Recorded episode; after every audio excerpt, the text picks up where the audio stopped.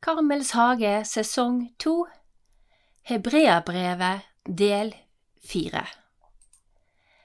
Vi er i dag kommet frem til det kjente kapittel elleve fra Hebreabrevet, som omhandler troen. Her går forfatteren gjennom de to første Mosebøkene og forteller om de, sto de store fedrene som handlet i tro. Og vi leser den vakre setningen som kan få klinge i våre hjerter, den fra kapittel 11, 6. Uten tro er det umulig å være til glede for Gud. For den som trer frem for Gud, må tro at han er til, og at han lønner dem som søker ham. Her får vi eksempel med Abraham, som handlet i lydighet og tro, som dro ut, dro av sted uten å vite hvor han kom, og han vendte ikke tilbake til tross for motstand og vanskeligheter. Og vi får høre om Saras lønn, for som det står skrevet, for hun stolte på at han som hadde gitt løftet, var trofast. Gjennom stormskritt i historien får lytterne til hebreabrevet forklart hvordan den gamle pakts store helter, den som ga jødene loven og troen, alle handlet i lydighet til Gud og stolte på ham, selv om de ikke fikk se de resultatene de var lovet. Men vi får se dem takket være historien, vi får se at Abrahams ett ble tallrik, men Abraham selv fikk ikke se det. Kapitlet konkluderer med, og jeg siterer, alle disse fikk godt vitnesbyrd for sin tro, men de oppnådde ikke det som var lovet.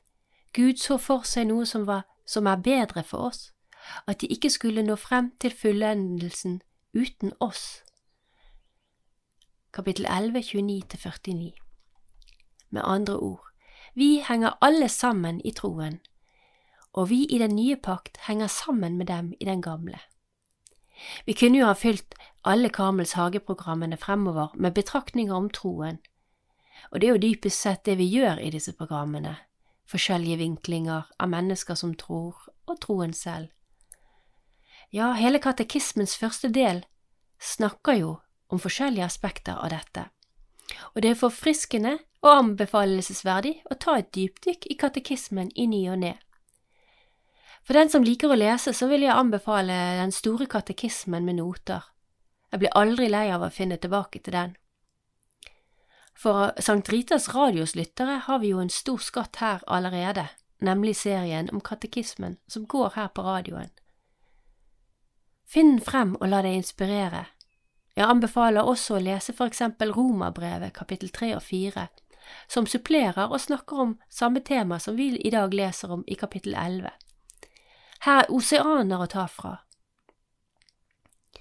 Et tema som har vært gjennomgående for vår lesning av hebreerbrevet, er kirkens forhold til Det gamle testamentet, og lesningen av dette, for å kunne forstå vår kristne Gud. Og her vil jeg bare lese kort hva katekismen skriver om nettopp det å lese Det gamle testamentet, og vi siterer punkt 121. Det gamle testamentet er en umistelig del av Den hellige skrift.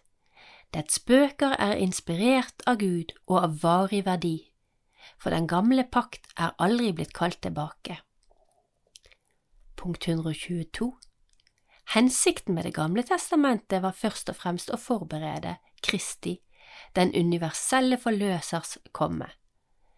Selv om disse bøkene inneholder enkelte ufullkomne og forgjengelige elementer, vitner de om hele Guds pedagogikk og frelsende kjærlighet. De inneholder sublime læresetninger om Gud, en frelsesbringende visdom om menneskelivet og en herlig bønneskatt. Og endelig ligger mysteriet om vår frelse skjult i dem.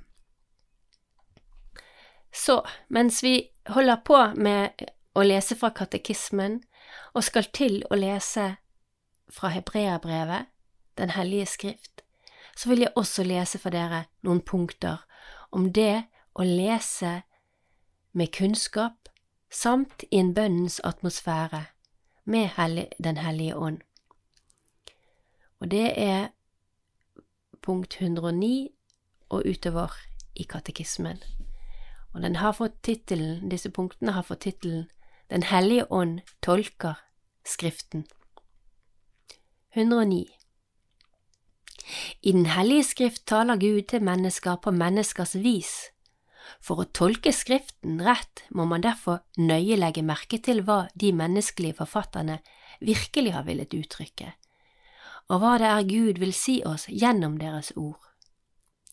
110 For å finne ut hva forfatterne har villet si, må det tas hensyn til tids- og kulturbestemte betingelser, datidens litterære sjanger så vel som måten å føle, tale og fortelle på.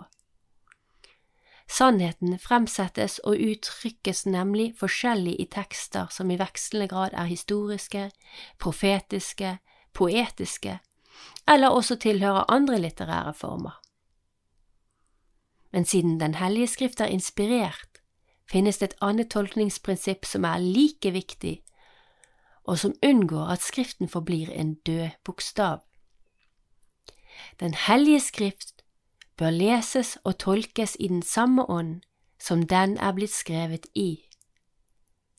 Det annet Vatikankonseil setter opp tre kriterier for en tolkning av Skriften som er i samsvar med den ånd den er inspirert av.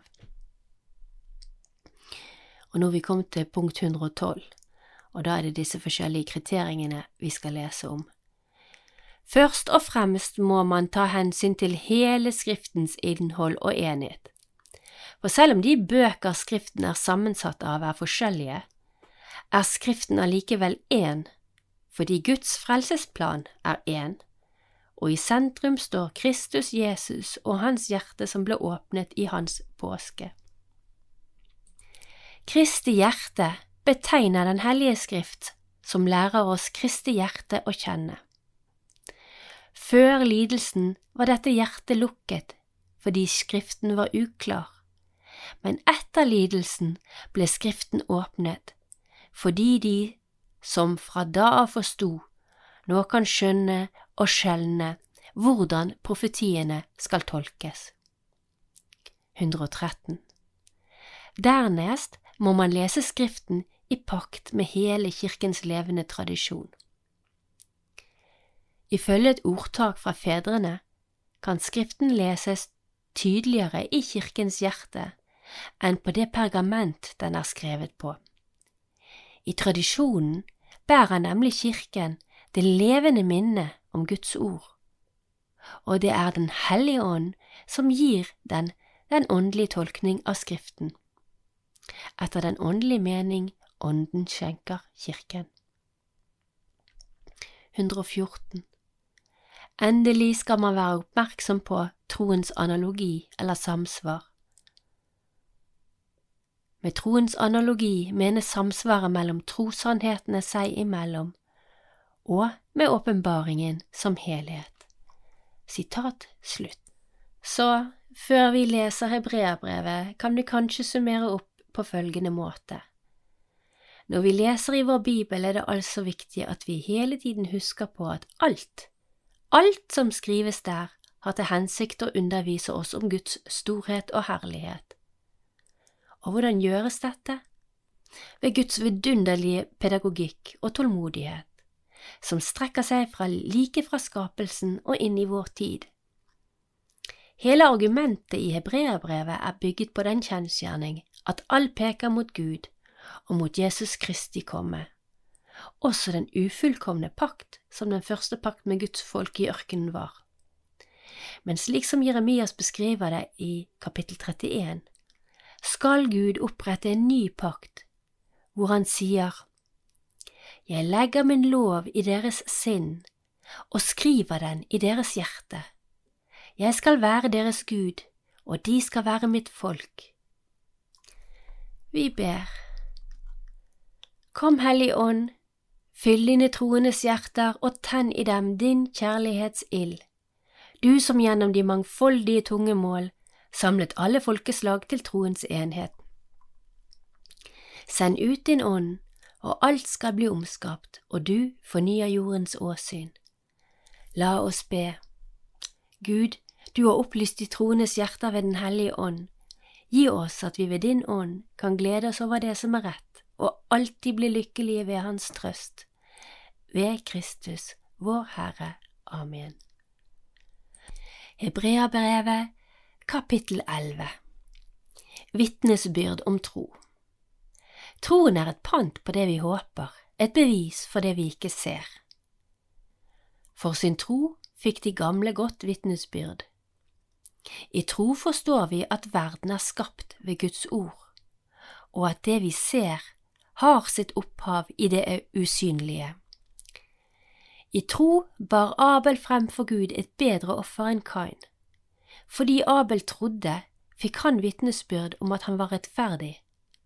Det vitnet Gud om da han ofret. Og med sin tro taler han ennå etter sin død. I tro ble Henok rykket bort uten å dø. Ingen så ham mer, for Gud hadde tatt ham med seg. Før han ble rykket bort, fikk han vitnesbyrd om at han var til glede for Gud. Uten tro er det umulig å være til glede for Gud. For den som trer frem for Gud, må tro at han er til, og at han lønner dem som søker ham. I tro fikk Noah varsel om det som ennå ikke var synlig. I Guds frykt bygde han en ark og berget sin familie. Hans tro ble en dom over verden, og selv ble han arving til den rettferdighet som troen gir.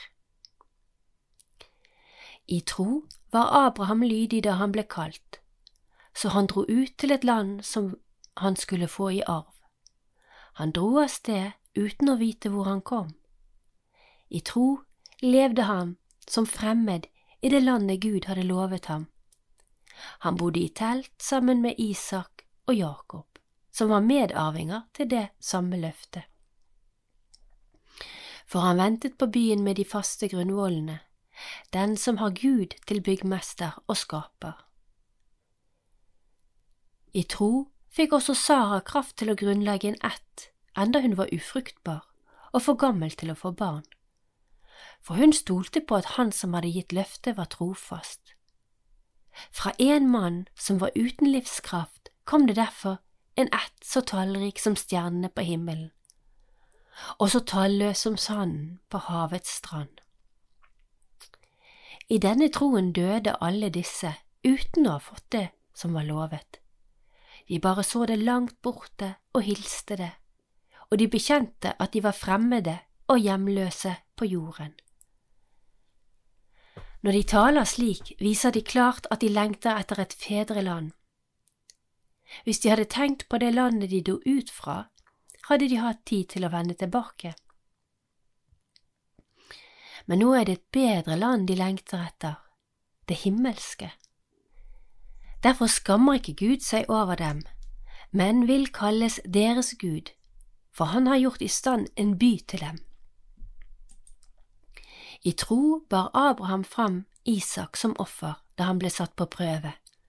Sin eneste sønn var han villig til å ofre, enda han hadde fått løftene, og dette var blitt sagt til ham. Gjennom Isak skal du få en ett som skal kalles din. Han regnet med at Gud hadde makt også til å vekke opp døde. Derfor fikk han sønnen tilbake. I dette ligger et forbilde. I tro var det Isak velsignet Jakob og Esau med tanke på det som skulle komme. I tro velsignet Jakob da han skulle dø, begge sønnene til Josef, og bøyd over toppen av staven sin lovpriste han og tilba. I tro talte Josef da han lå på det siste om israelittenes utgang fra Egypt, og han ga påbud om hva de skulle gjøre med knoklene hans. I tro gjemte foreldrene til Moses gutten i tre måneder han var født for de så at det var et vakkert barn og lot seg ikke skremme av kongens ordre. I tro nektet Moses da han ble stor å kalles sønn av faraos datter. Han ville heller lide vondt sammen med Guds folk enn å nyte synden en kort tid. Han holdt Kristi vanære for en større rikdom enn skatten, skattene i Egypt, for han så frem til lønnen i tro forlot han Egypt uten å frykte kongens vrede. Han holdt ut, for det var som om han så den usynlige. I tro holdt han påske og strøk blodet på dørkammene for at ødeleggeren ikke skulle røre de førstefødte hos israelittene. I tro gikk de gjennom Rødehavet som over tørt land. Men da egypterne prøvde på det samme, druknet de. Ved tro falt Jerikos murer, da folket hadde gått omkring dem i sju dager. I tro ble Rahab, hun som var prostituert, reddet fra å omkomme sammen med de ulydige, for med fred hadde hun tatt imot dem som kom for å speide ut landet. Og hva skal jeg ellers nevne? Tiden strekker ikke til hvis jeg skal fortelle om Gideon, Barak, Samson og Jefta, om David, Samuel og profetene. Ved tro vant de over kongeriker, holdt rettene oppe, fikk løfter oppfylt, lukket gapet på løver, slukket voldsom ild, slapp unna bitende sverd, gikk fra svakhet til styrke, ble sterkere i krig og slo fiendtlige hærer på flukt. Kvinner fikk tilbake sine døde, de hadde stått opp. Noen ble torturert og avslo å bli kjøpt fri, for de ville heller nå frem til en bedre oppstandelse. Andre måtte tåle spott og piskeslag, ja, til og med lenker og fengsel. Noen ble steinet, saget i stykker eller drept med sverd. Andre måtte gå omkring i saueskinn og geiteskinn, nødlidende, forfulgt og mishandlet. Verden var dem ikke verdig, og de måtte flakke omkring i øde trakter og på fjell og holdt til i grotter og huler. Alle disse fikk godt vitnesbyrd for sin tro, men de oppnådde ikke å få det som var lovet. Gud så for seg noe som er bedre for oss. At de ikke skulle nå frem til fullendelsen uten oss. Troens opphavsmann og fullender, kapittel tolv Derfor, når vi har så stor en sky av vitner omkring oss, så la oss legge av alt som tynger, og synden som så lett fanger oss inn, og med utholdenhet fullføre løpet, det løpet som ligger foran oss. Med blikket festet på ham som er troens opphavsmann og fullender, Jesus. For å få den gleden han hadde i vente, holdt han ut på korset uten å bry seg om skammen. Og nå har han satt seg på høyre side av Guds trone. Ja, Tenk på ham som holdt ut en slik motstand fra syndere, så dere ikke blir trette og motløse. Gud oppdrar oss. I kampen mot synden har dere ennå ikke gjort slik motstand at det kostet blod. Har dere glemt den formaningen som taler til dere som til barn? Min sønn, forakte ikke når Herren irettesetter, mist ikke motet når han refser. For den Herren elsker, viser han til rette, og han straffer hver sønn han tar seg av. Hold ut og la dere oppdra, for Gud tar seg av dere som sønner. Ja, la meg få se den sønn som faren ikke viser til rette. Hvis dere ikke blir vist til rette som alle andre, er dere ikke sønner, men uekte barn. Vi har hatt våre jordiske fedre som oppdro oss, og vi hadde respekt for dem. Har vi ikke mye større grunn til å bøye oss under Åndens far, så vi kan vinne livet? For fedrene viste oss til rette bare en kort tid, og slik de selv syntes var best. Men Han gjør det til vårt beste, for at vi skal få del i Hans hellighet. All irettesettelse synes nok å være mer til sorg enn til glede mens den står på, men siden gir den tilbake fred og rettferd, som frukt hos dem som er blitt oppøvd ved den. Derfor, styrk de slappe hender og de vaklende knær. La føttene gå rett frem på veien. Så det halte ikke blir vridd ut av ledd, men heller blir helbredet. Streb etter fred med alle og etter helliggjørelse, for uten den skal ingen se Herren. Se til at ingen går bort fra Guds nåde. La ingen bitter rot få vokse opp og volde skade, så mange blir forgiftet. Se til at ingen driver hor og lever ugudelig som Esau, han som solgte førstefødselsretten sin for et eneste måltid mat. Dere vet jo at han senere ble avvist da han ønsket å få velsignelsen. Det var ikke mulig å vende om, enda han ba med tårer. Sinai og Sion Dere er ikke kommet til et fjell dere kan ta og føle på, ikke til flammende ild, skyer, mørke og storm, ikke til gjallende horn og en røst som talte slik at de som hørte den, ba om å bli spart for å høre mer. For de kunne ikke tåle den befalingen som ble gitt. Om så et dyr kommer nær fjellet, skal det steines. Ja, så gruvekkende var synet at Moses sa, Jeg skjelver av skrekk. Nei, dere er kommet til fjellet Sion, til den levende Guds by det himmelske Jerusalem, til titusener av engler, til en høytidsfeiring, til forsamlingen av de førstefødte som er oppskrevet i himmelen.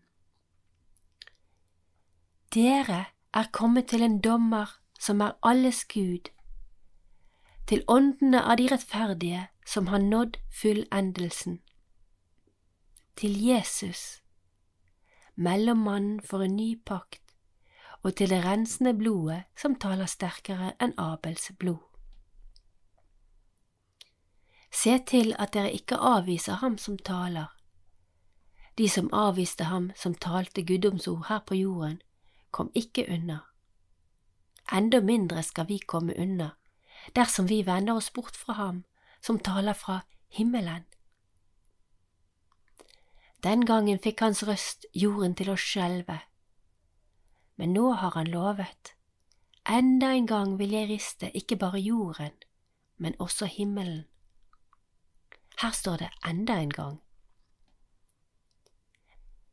Dette viser at det som kan rokkes fordi det hører til det skapte, skal skiftes ut, for at det som ikke kan rokkes, skal bestå. Derfor, siden vi får et urokkelig rike, så la oss være takknemlige og med takk gjøre vår tjeneste i gudsfrykt og ærefrykt, til glede for Gud, for vår Gud er en fortærende ild. Amen. Og jeg har lest fra Bibelselskapets 2011 versjon av Bibelen.